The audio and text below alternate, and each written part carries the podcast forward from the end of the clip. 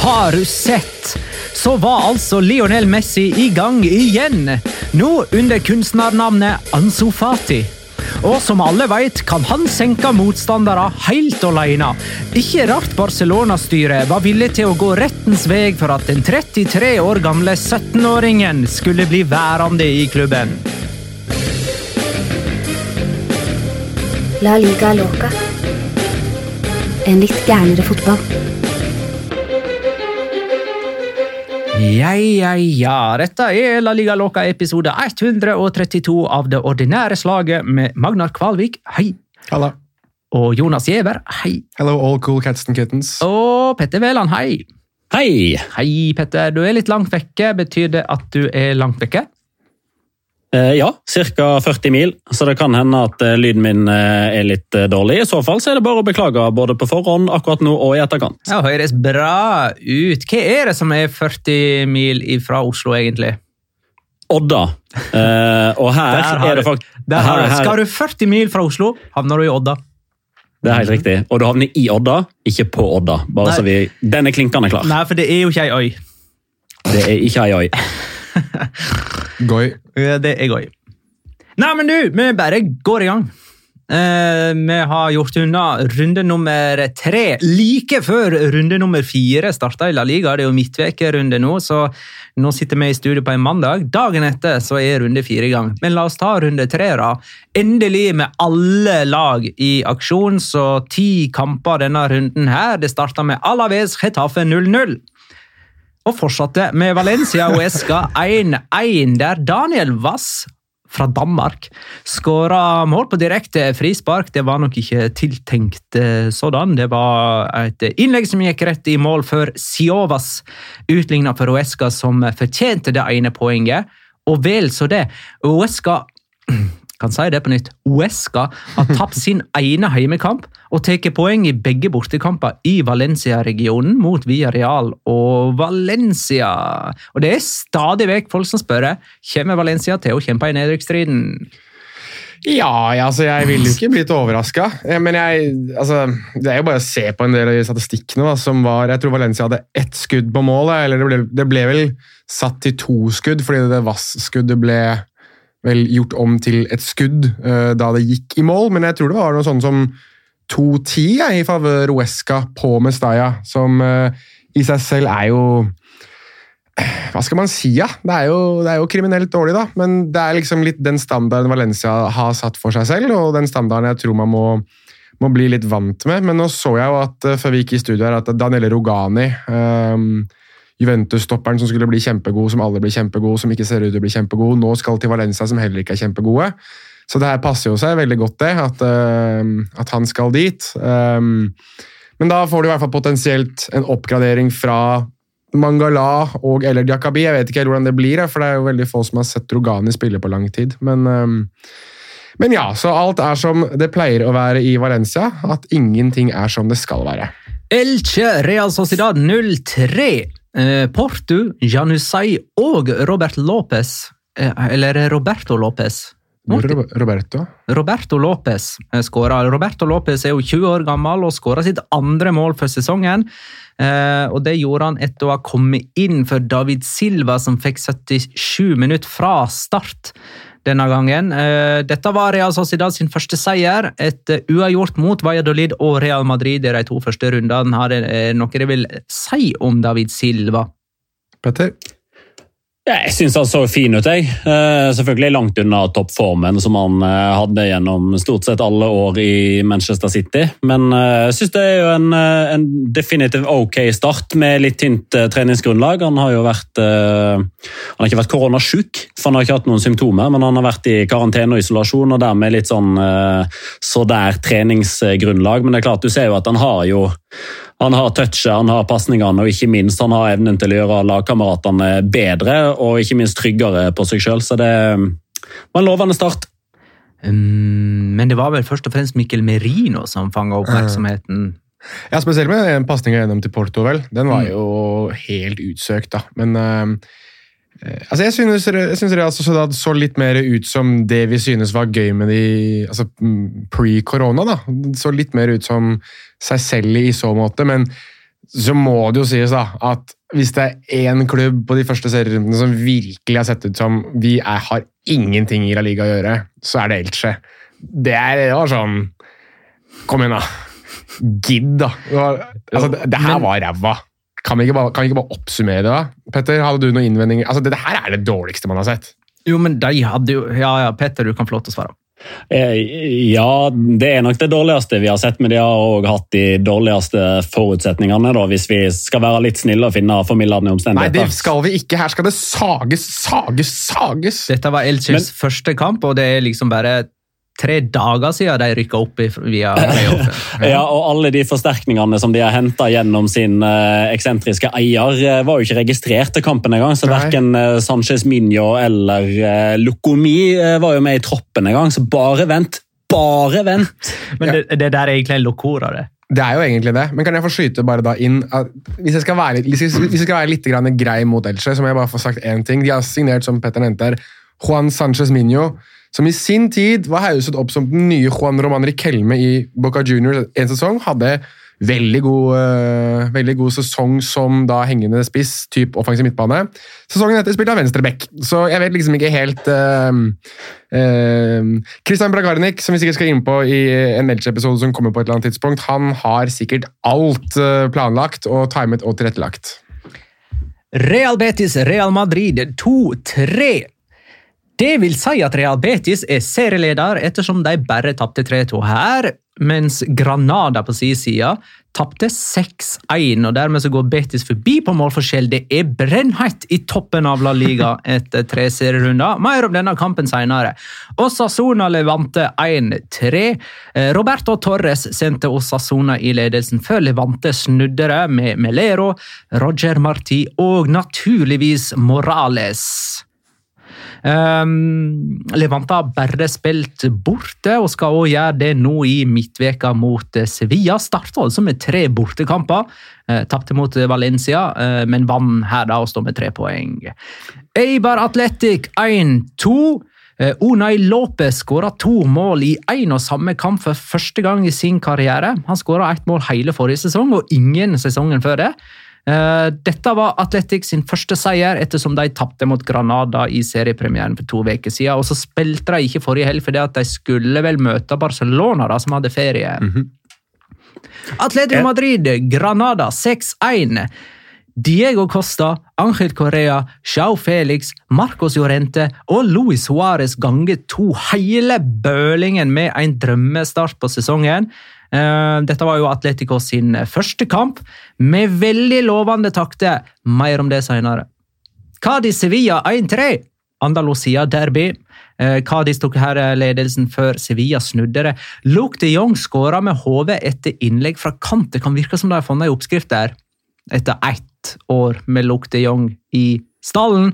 Eh, Monir El Haddadi sørga for 2-1, og den heimvendte sønnen, som det så fint heter, Ivan Rakitic i redebyen, satte inn 3-1. Det vil si 16 seriekamper på rad uten tap for Sevilla. Deres lengste ubeseira rekke i premierehistorien. Skal vi snakke noe mer om dette senere, eller? Nei. Nei. Men eh, har du en locora eller noe sånt for den kampen, her, Magnar? Nei, Hva er det du har imot Johan Jordan? ingenting. Hvorfor nevner du ikke pasninga hans på 1-2? Hva nevn det du, da. Mm, mm. Det er det jeg nevner om pasninga hans. Du Ja, Jo, Jonas gjorde det nå. ja.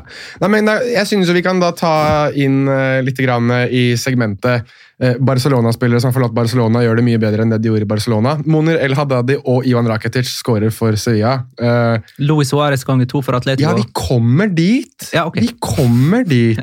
Det er jeg som leder dette her. Så. Ja, men det, det, dette var min kategori for dagens episode. Nå ødela du alt. Men uansett. Uh, Ja, vi skal innom det. Jeg vet det. Men uansett, kan vi bare få uh, skutt inn at uh, pasningen til John Jordan er jo utsøkt, men eh, hva er det som har skjedd? Nå har, nå har jo også Sevilla spilt en, um, en supercupkamp mot Bayern München, der de tapte. Men Josef Nesiri og det å være alene med keeper, det er Supermann og kryptonitt. Det. Det, er det, det er noe av det jævligste jeg har sett. Han klarer jo ikke å omsette skåringer når han er blank på blank kasse. Og Greit nok her så ble han avvinket for offside, men det er, det er nesten kriminelt. ass. Ja, ja.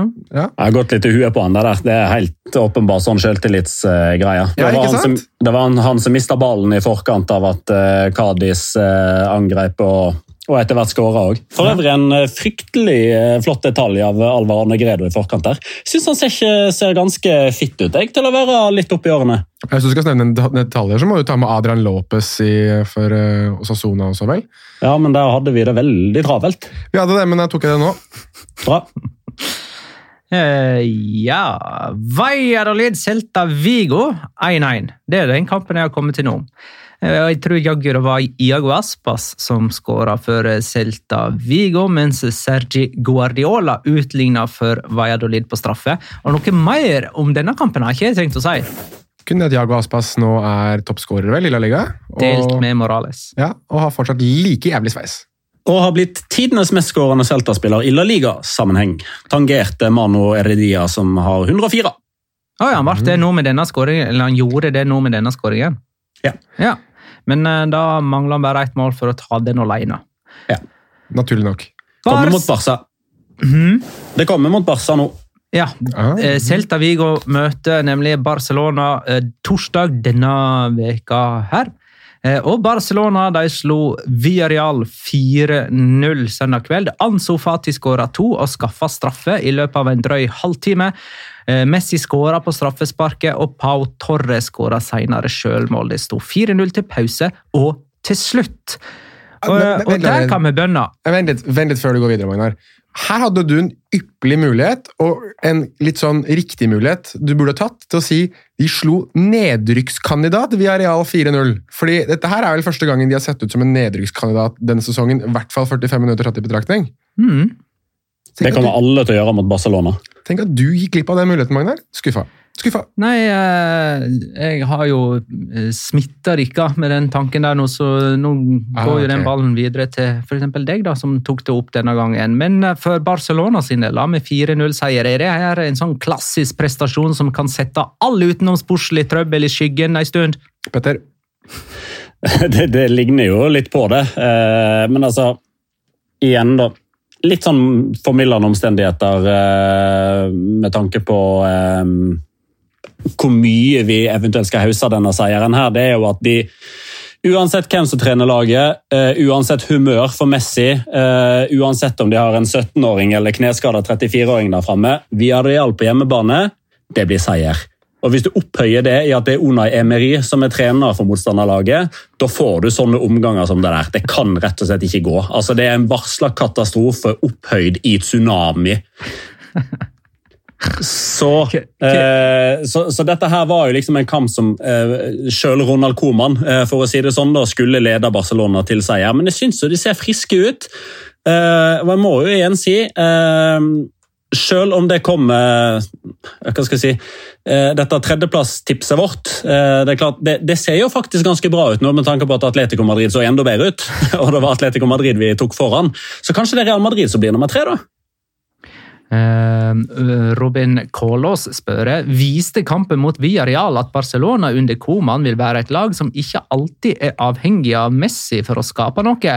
Syns det var tendenser til at ballen ikke alltid måtte innom han i hvert eneste angrep, noe som ga større uforutsigbarhet. Mm, jeg er helt enig i akkurat det. Jeg synes Han blir ikke nevnt så mye, kanskje, men jeg, jeg synes Coutinho så ganske god ut. Jeg, jeg synes han så ut som en spiller som hadde noe han føl- i hvert fall Greit nok, altså i de første, Vi må nesten ta denne kampen litt sånn første omgang, andre omgang, fordi andre gang skjer det jo ikke spesielt mye, og det er mye bytter og det som er, mens den første gangen så er det Sånn som Grismann har en del gode ikke innoveringer med ball, men han forflytter seg godt og, og på en måte gjør litt det Benzema har gjort i alle år. Lager rom og liksom er, er mer med i den grad av spillet enn det han er eh, på skåringsfronten. Så jeg, jeg synes Barcelona så ut som de hadde i hvert fall dynamikk i angrepsspillet sitt. Um, så var det da Ansu Fati som åpenbart stjal showet, men, men synes det er en veldig god oppsummering på at man så i hvert fall tendenser til at det ikke var like mye Messi dependencia på det Barcelona-laget der, da. Men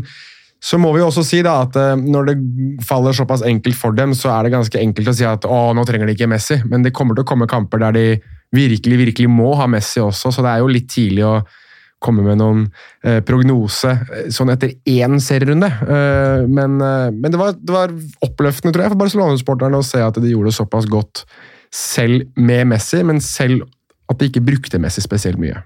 Og så syns jeg at en, eh, en litt sånn unsung hero i den kampen her, som jo er ikke direkte involvert i skåringene, i den tradisjonelle betydningen av direkte involvert. Altså Han skårer det ikke, eller han assisterer det ikke, men han er tredje sist på begge to. Eh, og Det er han som sender Alba gjennom, det er han som frigjør Coutinho med en pasning gjennom ledd, og det er Clement Longlet. Eh, og jeg har egentlig ganske lenge slitt litt med å bli enig med meg sjøl om han er sånn Barcelona-materiale. Eh, for jeg synes I noen situasjoner og i noen kamper så blir han kanskje litt veik og litt avventende og legger kanskje litt av lederansvaret for mye på Piquet sine skuldre. Men én ting som han er helt, helt, helt i verdenstoppen med, det er den venstrefoten i frispillingsfasen. Der er han helt rå. Mm, jeg er helt enig. Få, det var mye bytter som jeg nevnte. altså Pjanic fikk vi se, Dembele og Pedri og Trincao fikk vi også komme innpå. Uh, men en som satt på benken, Petter, var jo Ricky Push. Har du fått noen tilbakemeldinger uh, siste uka, eller? Faktisk overraskende lite. Ja. Eh, overraskende lite. Eh, de to, altså to av de tilbakemeldingene jeg eh, fikk, var jo av eh, det venta slaget, og det er jo av eh, eh, Den, den tilbakemeldingen der? Eh, nei, faktisk mer, litt eh, av det mer eh, høflige slaget. Og det er jo okay, av to trofaste lyttere som eh, både har vært innom enten eh, i, ved fysisk tilstedeværelse og gjesteopptreden i podden, eller med gode betraktninger og gode spørsmål. Det er jo enten Magnus eh, OI eller Tobias Storeste Dale som ofte har gode ting på hjertet. Eh, og de lot jo naturligvis ikke den anledningen eh, gå fra seg. Så får vi jo se da med tida hvem eller Vi får jo egentlig ikke med tida se hvem som er rett. for Jeg mener jo at Ricky Pucci er et kjempestort talent. og Det er en grunn til at for eksempel Bayern München var på tråden med en gang de skjønte at Ricky Pucci var eh, sannsynligvis ledig på markedet. Det er litt av det jeg misforstår meg rett med at hele situasjonen her kulminerer i at eh, hele Twitter nesten går ned på bakgrunn av en hashtag etter at det kommer rykter om at Ronald Koeman ikke vil bruke han. Det er litt denne overdimensjoneringa jeg vil ha til livs. Ro, ro, ro din båt. Apropos uh, unge Barcelona-talenter, Petter. Bendik Diesen lurer på om du har tro på at Ansofati får mer spilletid i år? Nei, altså Hadde det ikke vært for at Ricky Pudge er ute i kulden, så hadde jo ikke Ansu Fati starta den kampen. her. Ok, Dette her har en uh, historie. Uh, for i august i fjor, i vår episode nummer 80 av det ordinære slaget, så debut, da hadde Ansu Fati nettopp debutert og blitt tidenes nest yngste debutant for uh, Barcelona. Og Da Ja. sendte Bendik Diesen spørsmål om vi hadde tro på at han kom til å få mye spilletid, og Petter sa nei. Vi hadde sett han for siste gang, faktisk. Ikke engang i Copa del Rey kom han til å få spille noe eh, den sesongen, og han skåra altså sju La ligamål forrige sesong. Men nå Yes. Uh, og, og dette her er jo en sånn type podkast der uh, vi går våre egne påstander etter i sømmene fra langt tilbake i tid. yes. Uh, og Bendik Diesen er jo en av de som bidrar. Eh, så han stiller altså spørsmålet på nytt. Men hvor sentral kan han bli, da, du Petter? Nei, så Jeg strekker armene i været og sier at det her tar jeg rungende feil. Ja. Eh, altså Ansu Fati ble jo veldig mye bedre på veldig mye kortere tid enn hva jeg trodde. Så, eh, men altså, jeg har jo latt meg begeistre. Jeg, jeg er jo på Ansu Fati-toget jeg går nå. Eh, jeg kom for seint. Jeg måtte betale eh, bot for jeg ikke hadde kjøpt billett på dette toget i begynnelsen. Men eh, nå er jeg der. Altså, Han kan bli så god han bare vil. han. Ja, og helt sentral denne sesongen her. Altså, sånn type, oh, ja, ja, ja. Jeg trenger jo ikke å hente noe. Jeg ser jo Geir Halvor Kleiva skrive og hvor skal Depay spille i dette Barcelona-laget liksom, som spiss? Og skal han ta plassen til Ansu Fati? Ja, Men er Fati spiss, da? Nei, han er jo kant, men hvor skal Depay-spillere skal han komme inn og spille spiss for Messi? Skal, han spille, skal han spille i det hele tatt for Barcelona, lurer jeg på nå? Det er Vær litt, et, er et alternativ, da. Ja, men skal han spille for Barcelona? Det er liksom, jeg, jeg begynner å miste litt sånn trua på at den går igjennom. Jeg. Det, spesielt, altså jeg lurer på, Skal kanskje Grismann spille spiss? Kanskje, det, kanskje man skal prøve det? Og så har man Jeg vet at det er mye latter rundt, og det er lov, det, men man har Martin Braithwaite. da. Altså, det er, Han er i hvert fall spiss. der, der kom den. Ja, det var for å gjøre podkasten bedre. Jeg skjønner det. Ja, nå ble dette Det er bra med sound effects, men jeg synes, men jeg synes jo Jeg klarer bare ikke å se helt enn at hvis Barcelona skal ut og hente en spiss, så er det da er det type Lautaro Martinez da, som gjør det laget mye mye bedre. Men jeg ser liksom ikke at eh, Memphis Depay er sånn sinnssykt mye bedre i den spissrollen enn det Antoine Griezmann kanskje ville vært. da. Jeg stiller spørsmålet igjen, jeg. Eh, litt mer enn ett år siden vi vel stilte oss det samme spørsmålet. Altså, Hvorfor ikke bare bruke lommerusk på å hente Christian Stuani for å ha han i én sesong, før de kan eh, håper jeg, blautlegge Lautaro Martinez i mellomtida? Ja, Nå har de jo ikke noe uruguayansk spiss lenger, da, så de må kanskje Nei, det ut, ut og hente en. Men en som, en som er tilgjengelig også, og som jeg vil tro at kommer til å være slik stå her nå, nå spørs det veldig, og jeg snakket jo litt om han på tampen av forrige episode, Edinson Cavani har fortsatt ikke klubb, altså. Hvis du bare skal ha en spiss, så er det kanskje man hadde gjort dummere ting enn det å bare signere ham på en kontrakt. I hvert fall ut den sesongen her. Eh, Ansu Fati har skåra ni La Liga-mål før han har fylt 18. Eh, Lionel Messi hadde ett mål eh, før han fulgte 18. Flott. Eh, går det an å, eh, å se en eh, Lionel Messi-kamp uten å analysere det ut ifra et ønske om å forlate Barcelona? Godt spørsmål. Veldig godt spørsmål. Nei, jeg tror ikke det.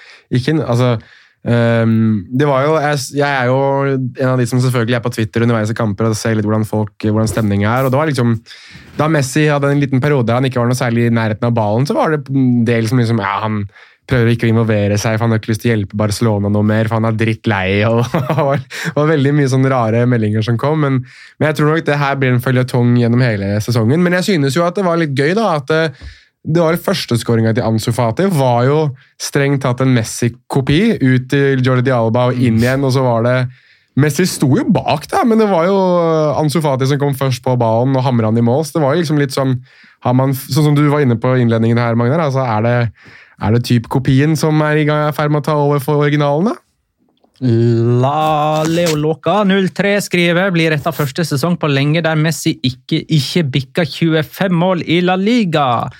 Eh, og med på lenge så mener han eh, 08-09-sesongen, der Messi bare skåra 23.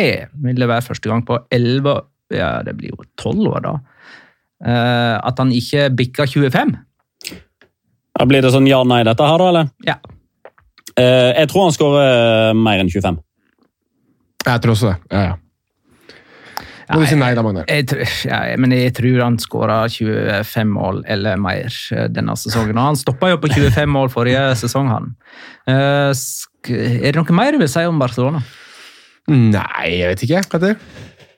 Eh, ja, bare veldig sånn kjapp oppdatering på den der eh, mistillitsforslaget Ja. til Bartomeo. Der eh, har man jo nå kommet enda et steg videre med at eh, klubben eh, har eh, på mange måter godkjent eh, første ledd og satt i gang ledd nummer to, som er å sette sammen et, eh, en, en komité som skal sørge for at dette her går riktig for seg.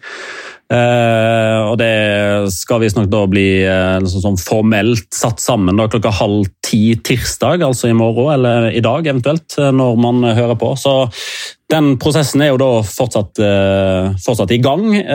og da når alt dette her blir klappet og klart, så skal man jo da ha en avstemning der man trenger det er vel to tredjedeler da, av medlemsmassen som må eh, avlegge stemmer for å få fjerna Bartomeo. Og således eh, så er det jo dårlige nyheter for de som ønsker å styrte Bartomeo, at sesongpremieren gikk så bra som den gjorde. For vi kjenner jo til historikken i sånne klubber som Barcelona.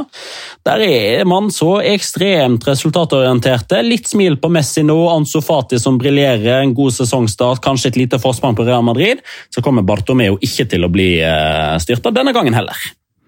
Du skal få lov til å svare kort og konsist på Gaute Branser sitt eh, spørsmål òg, Petter. Eh, Han fikk inntrykk før sesongen at vi var ganske positive til Emeri i Villarreal. Men det har ikke sett bra ut i det hele tatt de første tre kampene, skriver han. Så han lurer på hva vi tenker etter de kampene nå. Og med oss da, så mener vi deg, Petter. Ja, nei, Jeg er jo ikke enig i at det ikke ser bra ut, eh, eller at det ikke har sett bra ut i det hele tatt. Det er klart Førsteomgangen mot Barcelona er krise, eh, sånn isolert sett, men samtidig Det er litt sånn eh, Som trofast eh, Villarreal-supporter over 20 år, så begynner man å legge over, man begynner å legge merke til noen mekanismer som slår inn nærmest uansett. F.eks. at man ikke vinner en sesongpremiere på hjemmebane. Det gjør man bare ikke. Men i andre serierunde mot et lag som Eibar, så er det klin K. Og på kamp nå så taper man uansett. Eh, så jeg syns egentlig den sesong, sesongoppkjøringa her, eller sesonginnledninga har vært egentlig som forventa. Fire poeng, det er sånn som det skal være på de tre kampene der. Så det Man er i rute. Jeg er positiv. Slippe inn det første målet både mot Uesca og Eibar. Og, og Barcelona. Ja, ja. Eh, og Statistikken til Unai Emeri på kamp nå er jo fantastisk. Er det 13 kamper han har mm. hatt leda et lag nå? 0-0-13. Eh, og 13 tap, og, og, jeg tror det er 44 baklengsmål. Ja, og så kan du legge til Santiago Bernabeu på den eh, merittlista hans, og så har du vel noe sånn som 0-1-26 og jeg vet ikke hva det er, for nå er 84 baklengsmål eller noe sånt. Altså, det er helt absurd. Vi går videre til Real Betis Real Madrid, da. Um, den, den, endte altså 3-2 eh, til Real Madrid. Martin Ødegaard spilte fra start igjen og ble bytta ut i pausen. Altså, Jeg tenkte at han skulle matches litt sånn gradvis uh, når han nå er Real Madrid-spiller, men så har han liksom bare kasta rett inn i det. Mm. Syns ikke han så noe god ut den kampen. Han, har, han sett klar ut for det, liksom? Nei, syns ikke han har vært Må være såpass ærlig, ble bytta ut til pause òg, da. Og syns ikke han var noe sånn spesielt deltakende i den kampen her heller. Og det er et skikkelig bånn signal å få, da. Å bli bytta ut i pausen. Og hvem var det som... Og stillingen 2-1 til Real Og hvem ble bytta inn? Det var han jeg sa at det kanskje burde spille den rollen før Ødegaard, egentlig. Isko kom inn. Ja, og han, jo, han, sleit jo med skade og var jo ute den første kampen. Så, så er det der forklaringen ligger på at Ødegaard i det hele tatt har starta disse to. Petter? Ja, altså Isco har vært ute, Lukas Vaskes har vært ute, Ascencio har vært ute. Så det er klart det har jo vært eh, alternativer som normalt sett eh, Altså, Lukas Vaskes kan vi sikkert diskutere litt, men at Ascencio og Isco sånn i utgangspunktet står foran i køen, det syns jeg er helt åpenbart. Eh, vi har jo sagt det alle sammen bortimot, at eh, vi gikk ut ifra at Ødegaard kom inn som en utfordrer og måtte kjempe seg inn på laget. I stedet for så har han jo på mange måter uh, fått en liten sånn cheat code av Zidane og plutselig bare gått rett foran for å vise hva han er god for. Um, og det er klart at når man ser hvor stor betydning betydningen er av å ha en god sesongstart, som man så for ett år siden. Altså hva slags flytsone han kom inn i umiddelbart, og hvor lenge han og Real Sociedad klarte å, å, på mange måter leve på den. Så blir man jo ditto litt sånn bekymra på Ødegaard sine vegne nå, når det blir 70 eh, minutter i første kampen og 45 minutter i andre kampen, og det man sitter igjen med, er litt sånn, litt sånn anonymitet. Eh, at han eh, ikke helt tør å ta de vendingene og de gjennombruddspasningene som han hadde når han var eh, når han hadde selvtillit eh, som Real Sociedad-spiller. Eh, det går litt treigt. Altså, igjen så er han veldig lavt på lista over spillere som spurte, og på topphastighet. Um, og Det er sånt som man selvfølgelig legger merke til. Uh, både når man sitter og, og ser kampen uh, sjøl underveis, men selvfølgelig òg i, i trenerteamet, når man ser hva kan man gjøre bedre. fordi sånn isolert sett fire poeng etter to bortekamper mot Real Sociedad og Real Betis tror nok Zidane er sånn tålelig fornøyd med, men prestasjonene, flyten i laget, er han nok ikke fornøyd med i utgangspunktet. og Da må man jo se nærmere på hva slags komponenter som funker og hva som ikke funker. Og Etter de første to kampene så er min konklusjon at Ødegaard har ikke funka foreløpig. Nei, jeg er helt enig i det. nå er jo det kan jo være det som man på engelsk sier som jeg ikke kommer på et godt norsk begrep for. Altså, det er jo en blessing in the skies kanskje for Ødegaard sin del også, at Tony Cross er ute med skade. da, Som kan jo gjøre at han får fornyet tillit, kanskje en litt dypere rolle. Um, alt ettersom, selvfølgelig, men, men, jeg vil jo tro at han er i hvert fall en av de som kan komme inn og spille litt dypere i banen hvis du skal ha Isco lenger framme. Det hadde vært interessant å se ham ved siden av Casemiro, f.eks. Han får litt mer beskyttelse. Da. Um, ikke at jeg sier at han nødvendigvis uh, At det er alle andre rundt hans feil at han ikke presterer, men samtidig så hadde det vært litt gøy å sette han faktisk sammen med Casemiro på et eller annet tidspunkt, om det kan hjelpe han litt å ha en form for frihet. Da. Um, det er jo litt det som er med Real Madrid, at de har Modric og Kroos, som er veldig, det jeg liker å kalle for balldominante spillere. altså Spillere som må ha mye ball for å påvirke kampbildet. og Det samme går jo for Ødegaard sin del. Der, det samme har Isco hatt problemer med i, i, i, Real Madrid, mens jeg syns Ascenso kanskje er den som har klart å knekke den koden mest. og Det å ikke nødvendigvis ha ball, men samtidig være effektiv for det laget han spiller for. Um, men jeg tror kanskje en, en nøkkel for Ødegaard sin del i det laget her er å spille en litt dypere rolle og da ha mer ballkontakt, istedenfor å ha den rollen han har nå, hvor han på en måte må ligge bak spiss hele tiden og egentlig vente på at spillet kommer til han mer enn han kan komme og ta spillet, slik han ofte gjorde i, um, i Real Sociedad. Det jeg er litt spent på i tida framover nå, er om, eh, om, den trenden som Zidane har starta nå, fortsetter, og, og, hva den trenden egentlig betyr. Eh, og Da snakker jeg om at eh, man i første serierunde da starta med f.eks. Eh, både Rodrigo og Venicius som, som kantspillere, og de spiller ingenting i kamp nummer to. Og Så er plutselig Jovic inne fra kulden. Eh, vi hadde kanskje regna med at Ødegaard maks starta én av de, kanskje kom inn i begge to. Det viser seg at han starter begge to. Eh, Valverde starter den første kampen på benken og starter kamp nummer to. Eh, nå er Tony Cross ute med skade, så det vil jo igjen bli en form for endring. Spørsmålet er om det er sånn at han har lyst til å gi alle muligheten i begynnelsen, han vil mhm. se alle sammen. Eller om det er det at han fortsatt driver og leter etter den beste nei, taktikken og formasjonen, eh, gitt den spillertroppen han har, eller om han rett og slett bare har gått fullstendig låker på rullering allerede fra dag én, og at sånn blir det denne sesongen. Det er supergøy at han ser, han ser, alle spillerne sine spille, men han har sett både James og Bale forsvinne. Uh, så det får det som han vil. Henrik Marigård skriver hva tenker vi om formasjonsendringen Zidane har testa ut? Uh, for uh, det har vel ikke vært så vanlig tidligere å se Real Madrid under Zidane i en sånn 4-2-3-1-formasjon med, med denne tierrolla som Ødegaard har starta i.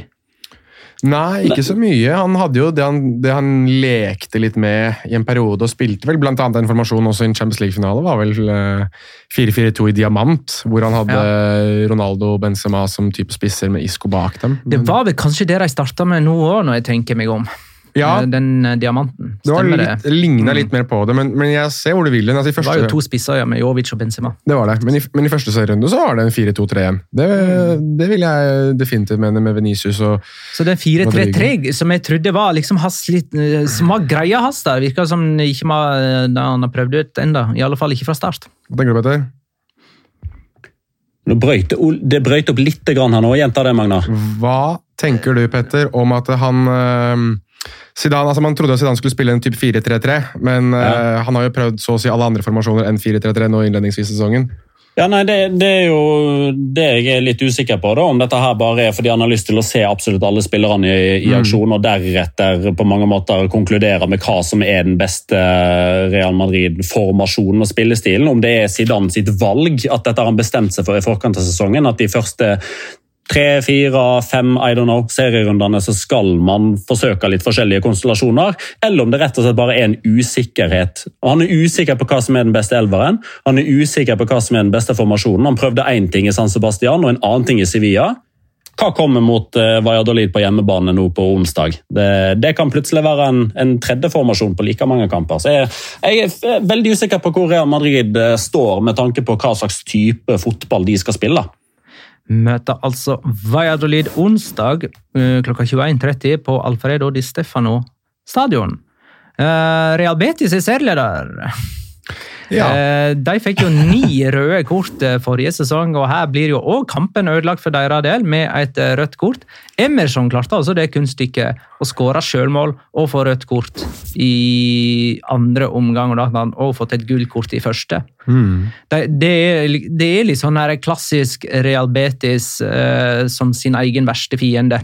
Morsobetis, som de sier. Uh, ja, nei, det var jo igjen, for å referere tilbake til en Twitter-samtale først mellom uh, Petter her og Alexander Skau, som da er Real Betis-venn, om at uh, Betis er jo Betis. Og så sa jeg jo til Petter at eller skrev jeg, men dette her er jo et nytt Betis, og så svarte Petter at ja, men det er fortsatt Betis. og da var det Morso Betis, og så selvfølgelig så klarte hele korthuset å velte sammen i andre omgang. Men jeg synes fortsatt de ser spennende ut. Ja. Jeg synes De er jo med i kampen helt til Emerson uh, blir utvist. Altså jeg synes, og Selv også etter det så er det jo ikke sånn at det er fullstendig enveiskjøring heller. Jeg liker Betis, jeg, og jeg synes at um, jeg har gitt Nabil Faker mye skryt, men jeg synes William Carvalho også ser ut som han har fått en helt ny vår. altså. Og Så må jeg jo si, altså Han hadde jo en kjempekjanse, da, men Tony Sanabria altså Hvis de skal satse litt der, så kan det være at de får kjempegevinst. fordi Jeg har alltid ment det at det er noe kjempespennende med han som spisstype. Som en sånn mer ren spiss. Eh, Jeg tror han har mye større spekter å spille på enn det f.eks. Lauren Moron har. så Veldig veldig spent på hvordan det prosjektet der kommer til å utarte seg. Men jeg tror, jeg tror oppriktig talt at Betis kommer til å, å ha en kjempesesong hvis de, hvis de, klarer å på en måte gjenfinne litt dette her kamp inn i kamp ut. da. Jeg eh, kommenterte jo denne kampen, og da jeg så den hensen på Mark Bartra på stillingen 2-2, og dommer skulle ut og se den, så tenkte jeg at dette her kommer jo selvfølgelig til å bli straffe. Og så så jeg på Twitter etter kampen eh, et voldsomt eh, Det var en voldsom sånn reaksjon av at nå er alt ødelagt, og hens, alt er hens, og det er helt ubrukelig. Altså, Var ikke dette en straffbar hens? Jeg syns det. Ja, jeg jeg syns den, den, er helt grei å dømme på, og jeg føler at det, dette Uh, dette hands-greiene nå har egentlig gått fra å være en litt sånn oppriktig, uh, kall det oppgitthet, uh, fra hands-motstandere, til egentlig å bli nesten en parodi på seg sjøl. altså, de, dette her er klink hands. Og allikevel så blir det en sånn greie i bakkant. og Det er det nesten sånn fordi folk har bestemt seg for at hvis det blir dømt uh, hens imot, med mindre den er krystallklar, sånn som den var på overtid mot Brighton for Manchester United på lørdag. Altså, Den kan jo absolutt ingen i verden eh, argumentere noe på. Men dersom det finnes noe som helst uh, tviler på om det er hands eller ikke, så skal liksom hele hylekoret i gang. Hver, hver gang. Eh, og så blir det ytterligere forsterka av at det er Real Madrid som er involvert og får den i sin favør.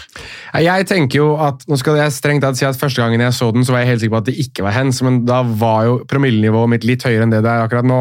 Var det Breezers, eller? Det var ikke Breezers, og de som drikker Breezers, kan ta seg, altså, de kan hoppe direkte inn i helvete. Breezer-faenskap holder man seg unna når man har fylt mer enn 16. Uansett. Uh, poenget mitt var at uh, Nå falt jeg helt ut. Takk for det. La, meg, la meg bare skyte inn at hvis jeg uh, beveger meg fra uh, østsida av Opo, som er elva som renner Oi. gjennom Odda Hvis jeg beveger meg fra østsida til vestsida, da beveger jeg meg over til Gjøllo. Jeg sier ikke mer. Nei, Veldig uh, bra, Petter. Ordentlig fint. De som vet, de vet. Uansett så er uh, Mitt poeng var at uh, jeg synes det så ut som Majoral dyttet litt i ryggen på Bartra. At Bartra faller framover og da åpenbart skyter arm, skulder ut, og at det er det som treffer ball. og at Jeg tenkte først at dette her er vel frispark utover mer enn det er straffespark. Og så har jeg sett den veldig mange ganger i repetisjon og litt sånn frame by frame for å virkelig ha en har litt kjøtt på beinet. og Jo mer jeg ser den, jo mer er jeg enig i at det er straffespark. Men, men mitt poeng med hens-regel var altså Det at det var å gå inn, da, er jo det som er poenget her. er jo, De skal vel inn når det er en clear and obvious feil. Og jeg synes ikke den her er clear and obvious. men at det gis straffespark, er, er, helt greit. Det er ikke noe sånn at jeg kommer til å dø på den fjelltoppen. Men jeg synes ikke den er clear and obvious, på lik linje som jeg så veldig mange var helt sånn Å, ah, ja, det er straffe! Og så er det de som Å, det er ikke straff! Jeg er mer sånn Tja tjo Det er vel der Men, vi har tidligere òg uttrykt vår, vårt problem med videodømming, og det er at uh, man har prøvd å gjøre uh, hens til en objektiv sannhet. Ja. Uh, der, og den der clear and obvious-greia på en måte utgår. Det enten er straffbar eller ikke straffbar hens à la den offside-greia. Mm. Ja, og Der vil jeg bare skyte inn noe som jeg så på Twitter i etterkant av kampen. og Det er jo Itoralde Gonzales som er den tidligere toppdommeren som nå sitter og er eh, dommerekspert for Cadena ser på El Argero underveis. Mm. Eh, og Han sier det at eh, basert på det kroppsspråket til dommeren, og så, sånn som han tolker Uh, han, hans leppelesing uh, var at uh, når dommeren sto og holdt seg til øra og helt åpenbart fikk samtalen eller ordene fra fjerdedommer på, på øra, eller videodommer, så analyserer Itoralde Gonzales da fram til at De Burgos Bengoechea sier at han har ikke sett noen hens. Og når han da Eh, når videodommer, da, eh, som i dette tilfellet er Gonzales Gonzales, eh, som forrige sesong ble rangert som den nest beste dommeren i La Liga, men som nå har gitt seg pga. alder Når han da hører fra dommer at han ikke har sett den i det hele tatt, da gir han han muligheten til å se den på VAR-skjermen. Hadde det derimot vært sånn at De Burgos Bengochea sa ja, jeg ser at det er en arm involvert, der, men han blir dytta, eller det er ikke en straffbar hands for meg, da hadde han ikke gått ut og sett den. Ja. Det er greit. Jeg tror vi To. får la den kampen ligge. Ja, Eh, to, to, to småting. Ja. Eh, for, eh, når jeg eh, dobbeltsjekker statistikk og, og fører statistikk i etterkant, så er det alltid ved hjelp av kamprapportene på det spanske fotballforbundets hjemmeside. Og der, eh, altså for, hvis, eh, for å ta ett eksempel, da, altså, der står det ikke eh, bare Tony Sanabria. Der står det Arnaldo Antonio Sanabria Ayala. altså Der kommer alle navnene. Eh, og Da legger man merke til noen sånn litt sånn morsomme ting innimellom. Vet dere hva mellomnavnet til Ferland Mendy er? eh, Benjamin. Uh, Geronimo. Sinna. S-I-N-N-A. Ferland Sinna Mendy. Eh, vet Ja. dere hva Jeg som ha, jeg er ville ha uttalt det sinna, men eh, det Jo, jo, men vi er fra Norge. Det blir Sinna. Vet dere, vet dere hva som er eh, navn nummer to av seks i det fulle navnet til Emerson? eh, Bli. Eh, Sinna? Nei, Appar, Apparecido. Altså typ han dukka opp. Og det var nettopp det han gjorde på bakre stolpe når han satte ballen i eget mål. Emerson Apparecido. Ja, men så Dette er, sånn, det, dette er sånn humor som kun Petter Wæland har, og den kan ingen ta fra han. Han heter Emerson dukker opp! Atletico slo altså Granada med 6-1. Suárez kom inn, hadde 14 berøringer, skåra to mål, hadde én målgivende og skaffa en straffe, som riktignok ble eh, trukket eh, tilbake. Hvis det er noe som dukket opp, så må det jo sies å ha vært Luis Suárez. Luis Aparecido Suárez. Og da, da hadde ikke han vært Atletico Madrid-spiller i mange dager.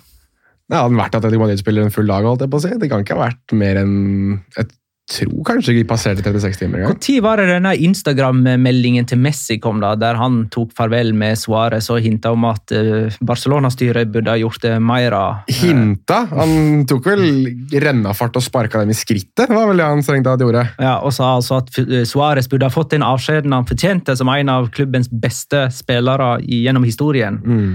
Eh, men Var ikke det på torsdag eller noe, da? Jeg tror det var torsdag eh, kveld, ja. Mm. Og så ble eh, han vel presentert på, på fredags ettermiddagen og trente med Atletico Madrid fredag kveld. Og så ble han tatt ut i troppen på lørdag og debuterte på søndag. Eh, Hajir Arak skriver 'komboen Suárez-Simione'. Og bare, Ja. bare det. Kan jeg få lov til å ta en annen kombo som jeg syns er enda morsommere da? Eh, Jeg tipper det Suárez Costa. Det er Suárez Costa. Har man sett kommentarene til Dio Costa etter kampen? om hvordan forhold de to imellom var? Altså, Jeg synes jo, jeg må bare få sagt det. altså Det at Luis Suárez og Dio Costa spiller sammen, er litt som om Jokeren og Lex Luthor skulle ha gått sammen. Eller Shang Tsung og Quan de Men har ikke Lex Luthor og Joker gått sammen? Fins det ikke sånne her, uh, superheroes against superskurks? Jo, Super Skirks, ja. Skurks, ja. Eh, Det er vel strengt tatt eh, er vel The Justice League of America, tror jeg er der Batman og Superman er sammen og slåss mot de to sammen. Men uansett, det er som om de skulle slått Mikromidas og Spøkelseskladden, for de som leser uh, Mickey Mouse. Uansett så er um, så at Dio Costa ble spurt om det etter kampen, hvordan forholdet var til Luis Suárez. Da svarte han jo, det er bra, han ene biter, han andre sparker. Og det er bra. Da har vi liksom biteren og sparkeren på samme lag, og at de er klare for å liksom krige seg vei. Og da får jeg litt den der feelinga som en del andre virket å ha hatt, at uh, det her kan være starten på noe som er litt spesielt. Um, og vi må jo huske at Sist gang, sist gang vel eh, Atletico Madrid hentet en spiss fra Barcelona som hadde samme type status, så var det David Villa, og de gikk hen og vant ligaen. Nå skal vi åpenbart ikke snakke om det så tidlig, men du sitter med en feeling på at her har de truffet noe skikkelig skikkelig bra. altså. Ja, men La oss eh, ta en annen sammenligning med 2013-2014-sesongen Ja, kom igjen, da. mens vi er i gang. da. Uh, altså, Det er ikke så veldig ofte at både Real Madrid, Barcelona og Atletico Madrid har ikke-spanske trenere samtidig. Det er første gang nå. Altså Zidane, Koman og Simione. Det er første gang siden 2013-2014. Angelotti, Tata Martino, Ja. Diego Simione. Jeg sier ikke mer! Nei, du sier ikke mer. Du, se, du sier ikke mer, Var ikke det Vidar Riseth som sa det? Jo, Etter å ha sagt, sagt ganske mye, og la, og la til litt etterpå. Ja, jeg tror, han la, jeg, jeg tror vel han var egentlig ganske kort i begynnelsen og sa da 'jeg sier ikke mer', og så kom tiraden. Han spilte for LSK, han gjorde de greiene der. Skal huske helt feil. Det er digresjon! Eh, det var altså ikke sånn at Suárez og Diego Costa spilte sammen i denne kampen, for Nei. Eh, Suárez kom inn før Diego Costa, men er det plass til begge? Skal oh, ja. begge være der? Ja, ja, ja. ja, ja. Kom igjen, da! Kan du ikke altså, Helt seriøst nå, altså, sånn, til uh, type uh, Derby Madrileño, da. Når eh, begge de to mot Sergio Ramos Altså, Det kommer jo til å være tredje verdenskrig ute på banen. Altså, Altså- Gud hjelpe meg så gøy det kommer til å bli. Altså, De driver jo og snakker om at de skal stenge ned Madrid, Ma- Madrid nå pga. covid-19. Altså, Madrid kommer jo til å være et avsperra område tre uker etter det sammenstøtet der. Det er jo, altså To verdener har jo kollidert sammen i det der angrepet der. Altså Det er jo strengt jeg, jeg kan ikke forestille meg noe lag som og Det er første gangen jeg tenker det at jeg syns, det er liksom flåste å si, for jeg har hørt liksom sportsledere si det i andre klubber. men sånn Tenk da, når du liksom står, i, eh, står før kamp der da, og skal lese den startoppstillinga, så ser du at på topp så er det Luis Suárez og Diego Costa. Hvis du er midtstopper, da, så tenker du at å helvete, dette kommer til å bli en jævlig lang kamp. liksom. Henrik Marigård igjen. Uh, spent på utviklingen til Xiao Felix etter Suárez kom inn døren. Har en feeling eh, av at eh, de kan blomstre i tospann denne sesongen. Hva tror vi om Xiao Felix for å ta han, da? Han hadde jo en fantastisk kamp, da. Og jeg tror at hvis Joe Felix Nå, jeg, nå kan du notere ned, Magne, men jeg tror at hvis Joe Felix holder seg skadefri, så tror jeg han kommer til å bli sesongens store spiller i, i La Liga. Altså, og da mener jeg typ, altså Lionel Messi kan liksom ikke sammenlignes med noen, men jeg tror at bak han så tror jeg Joe Felix kan være nestemann. fordi at han har er noe helt eget med det han gjør. Altså. Sånn, altså, den flyten han har, og det drivet med ballen i beina. Jeg har sagt det før, at jeg har ikke sett noe sånt siden Kaka. Altså, da Kaka var så, sånn helt vanvittig, så, så var det veldig likt det man ser med Joe Felix nå. og Man fikk se det i den kampen her igjen. og han han har en sånn glede med fotballen, da, og når du i tillegg da har Atletico Madrid som faktisk ville angripe den kampen altså Nå sist vi så liksom Atletico Madrid instinktivt angripe, angripe, angripe angripe hele tiden. Det gjorde de jo den kampen her, og da fikk de jo de resultatene vi har på en måte, vi snakket om hele forrige sesong at de ville se. Dette her er jo det vi vil se fra Atletico Madrid, så hvis dette her er på en måte eh, standard, og sier ikke at de kommer til å skåre seks mål hver kamp, men hvis dette her er det de skal gjøre denne sesongen, så tror jeg Joe Felix kommer til å um, blomstre. Og jeg, og jeg velger å være såpass eh, blåøyd og si at jeg tror at dette her kanskje er starten på et litt nytt Atletico Madrid i så måte. Det må det jo være når du har Luis Suárez.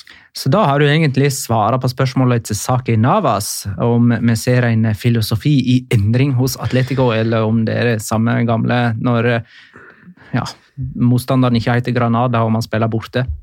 Jeg tror, at jeg tror at de klarer å gjøre begge deler. Altså jeg, tror de, jeg tror det er det som er litt fint, og det som de kanskje var litt redde for å gjøre i fjor. også, men jeg husker at de hadde, nå er jo, altså Forrige sesong føles jo så lenge siden, men samtidig så nært siden. Men jeg mener jeg husker at de hadde en del skader i fjor òg, og da kanskje de ikke fikk den kontinuiteten de ønsket. men men, og det her kan jo Petter utbødre litt mer om, men jeg, jeg mener jo det at eh, hvis du finner et lag som kan gjøre litt av begge deler, og kan låse de kampene de må låse og angripe de kampene de kan angripe, så, så får du potensielt kanskje det mest komplette laget i Europa. Da. Hva tenker du, Petter? Det virker som at de har veldig mange strenger å spille på. da, eh, og Den defensive soliditeten den, den ligger på mange måter i bånn. så den, den føler jeg ikke at vi trenger å snakke så veldig mye om. Eh, og Nå er jo snart Jimenez tilbake i Norge etter å ha vært ute med korona. Det jeg syns er liksom ekstra positivt for Atletico Madrid sin del, er jo at det er så utrolig mange. Det er bortimot alle de offensive spillerne har jo liksom nå kommet godt i gang. Altså, Diego Costa skårer, Ancred Correa skårer og har målgiverne. Joao Felix skårer, har målgiverne og framprovoserer straffespark. Marcos Jordente skårer og har målgiverne.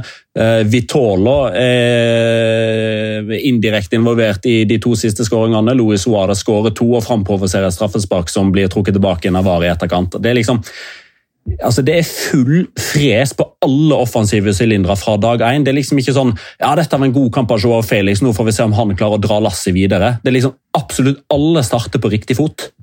Eh, Du skal få lov, eh, Jonas, å svare på Alexander Larsens spørsmål. Eh, Veldig kjapt helt til slutt i dette segmentet. Er Luis Suárez nærmere Radamel Falcao enn Alvaro Morata? Alvaro Morata hadde tolv mål forrige sesong, og Radamel Falcao hadde vel 28 på sitt beste, mener vi kom fram til. Så Ja, men hva, blir, hva må han ende på da for å være nærmere Falcao? Og de- 20 er jo da middelveien. Da er han 20, ja. midt imellom. Er det Champions League og La Liga, eller kun La Nei, Liga? La Liga har vi forholdt oss til. Um, jeg sier at han er nærmere Falcao, jeg. Jøye meg, så han skal skåre over 20 mål. Hva- 20. Ja, jeg, jeg sier nærmere Alvaro Morata. Ja, jeg, jeg var Jeg skal Men det skulle ikke jeg svare på, egentlig. Nei, men det skal du få lov til. Men jeg, jeg eh, velger å tro at uh, Luis Suárez er litt sånn fandenivoldsk. Ja. Det kjenner vi han som. Kjempebra. Da skal vi kåre rundens spiller. Ja. Det vil si at vi setter opp en pall eh, av de tre beste spillerne, der vi har nominert hver vår. Og min nominasjon har endt på tredjeplass etter litt diskusjon før opptak. Og min nominasjon det var José Luis Morales, La Ligas toppskårer sammen med Iago Aspas. Han skåra jo to mål borte mot Valencia i seriepremieren, og hadde mål og målgivende nå i helga da Levante slo Osasona borte. Eh, Morales er Levante sitt svar på Iago Aspas i Celta Vigo, som igjen tilsvarer Messi i Barcelona. Med andre ord, Morales er blant tidenes beste fotballspillere. Dette er eh, andre gang han er nominert eh, til rundespiller hos oss, og jeg mener han vant den første. Ja, det gjorde han. Mm. Det gjorde han. Mm. nummer to Petter. Ja, det var vel uh, mitt forslag. Uh, og jeg var jo egentlig litt usikker på om vedkommende egentlig var kvalifisert, fordi i forkant av den første serierunden så ble jo Manu Vallejo nominert, og da skrota vi egentlig han fordi han spilte så lite. Uh, og det gjorde jo Luis Suárez òg. Han kom jo inn etter 70 minutter, så han spilte jo egentlig da bare sånn 24-25 minutter, inkludert tillegg. Men dæven for noen bidrag, altså. Eh, vi snakka nettopp om det. To skåringer, eh, stolpeskudd i forkant av den andre skåringa. Én målgivende. Det var første touchet, bare et minutt etter at han kom inn. Eh, og så kan vi jo kanskje kjøre en litt sånn egen variant av eh, denne som Alexander Larsen drar opp, da, om eh, Suárez er nærmere Morata enn eh, Falcao. Vi kan jo også kjøre en sammenligning, en sånn topp og bunn mellom følgende to. Fordi Luis Suárez er nå nemlig nummer tre på 2000-tallet som har skåra to mål som innbytter i debuten sin for en klubb i eh, La Liga. Cristiano Ronaldo, som helt åpenbart er toppen. Eh, nei, unnskyld. Det er Det er, den han. ekte Ronaldo Det er den ekte Ronaldo i 2002 mot Alaves. De to kan du Så ikke vi, er, så vi er fortsatt på toppen. Den ekte Ronaldo, brasilianske Ronaldo, feiten uh, for uh, Real Madrid mot Alaves i 2002. Det er, liksom, det er jo toppen da, som en har å strekke seg etter. Eh, og Kike Sola for Osasona i 2007. Litt mer beskjeden. Så får vi jo se om Luis Suárez er nærmere Ronaldo enn Kike Sola når sesongen er ferdig. Da er det nummer én. Ja, nummer én er jo La Ligas boy wonder, og den spilleren som jeg tror aller flest eh, av våre lyttere kanskje har vært mest interessert i denne sesongen, her, vil jeg i hvert fall tro.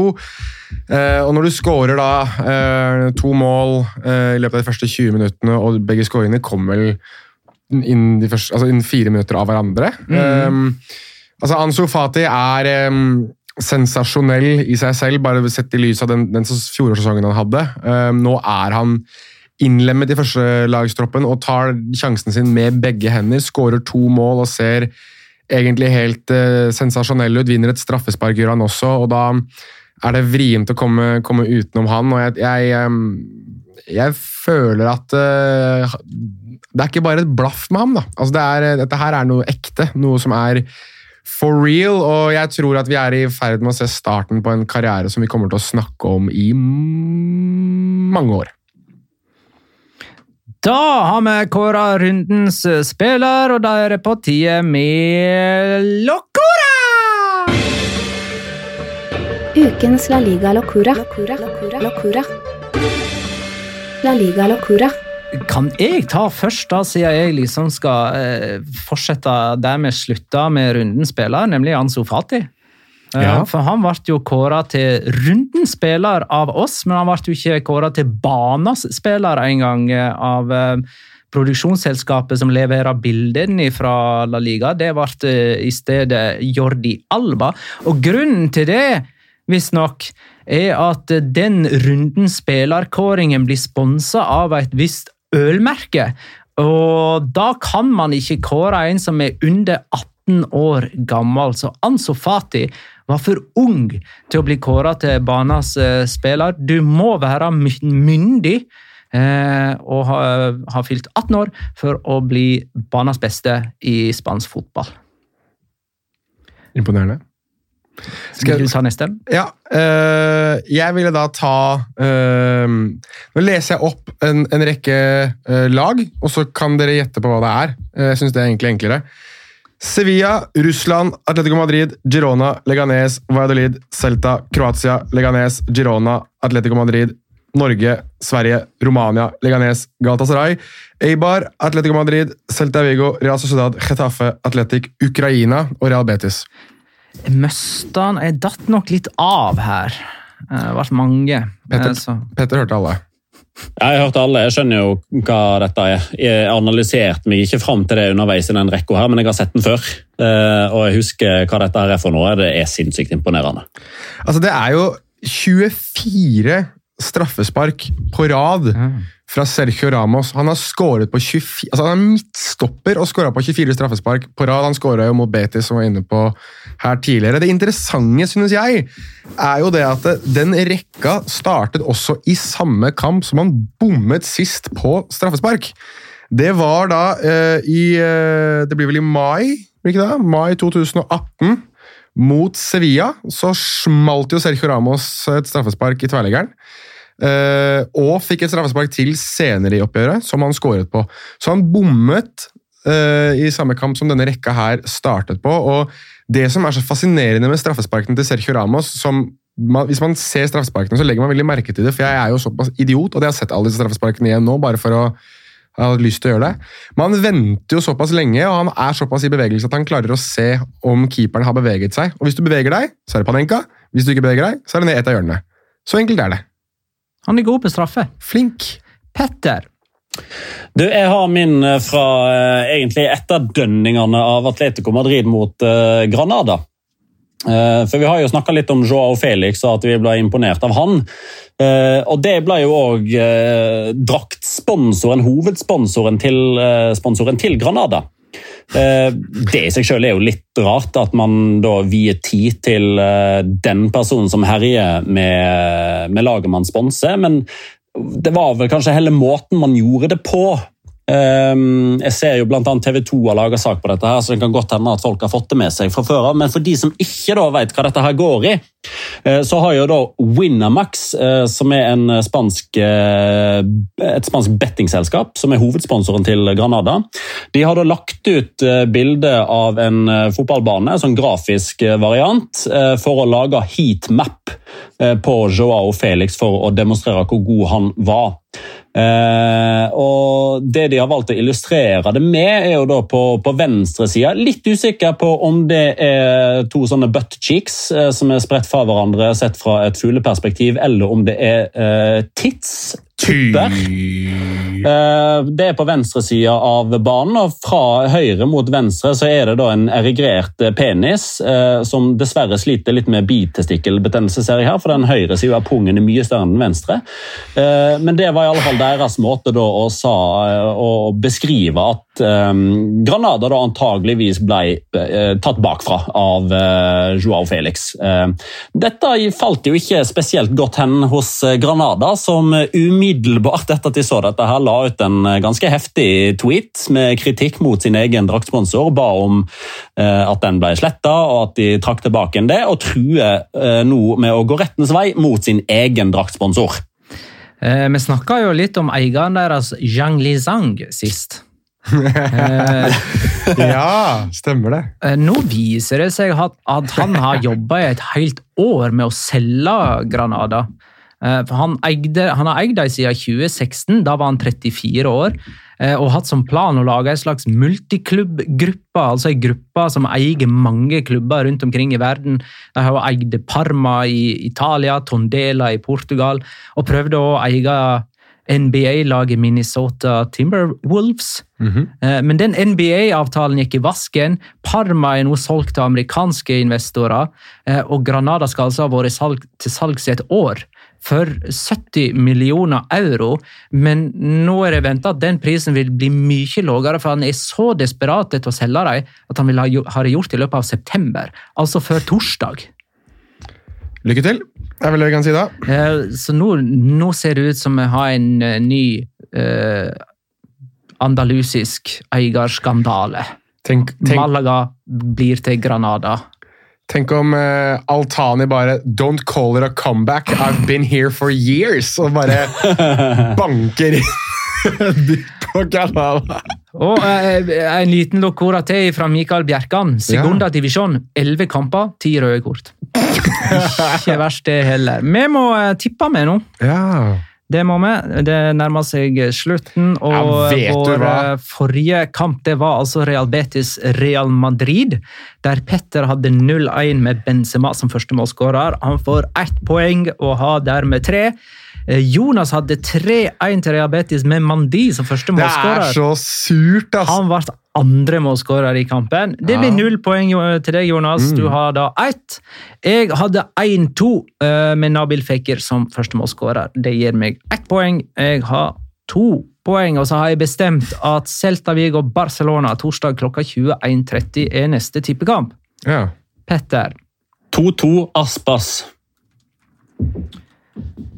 Ja, så blir det sånn. Jeg sier 1-2 og Uh, Det var da som søren. Skal jeg bare eh, Ja, det, den hadde jeg ikke tenkt på. Du, har, du, du har valgt kamp, men du har ikke tenkt på den. Nei, ja, eh, men jeg har lyst til å si sånn eh, ah, Ta min, da. Bare ta, ta Ansofati. Altså. Kjedelig. Men ok. En tre Grismann. En, tre, Grismann. Ja, Greit. Må, må gjøre noe, vet du. Mm. Eh, da er vi i mål. Det er ingenting mer å si. Nei. Eh, takk for at du var med oss fra Odda, da, Petter. Ja, det skulle bare mangle. Kos. Takk for at du kom i studio, da, Jonas. Du, det er så koselig. Det er så koselig. Uh, takk for alle innspill og spørsmål. Takk for at du lytta, kjære lytter. Ha det godt. Ha det, da!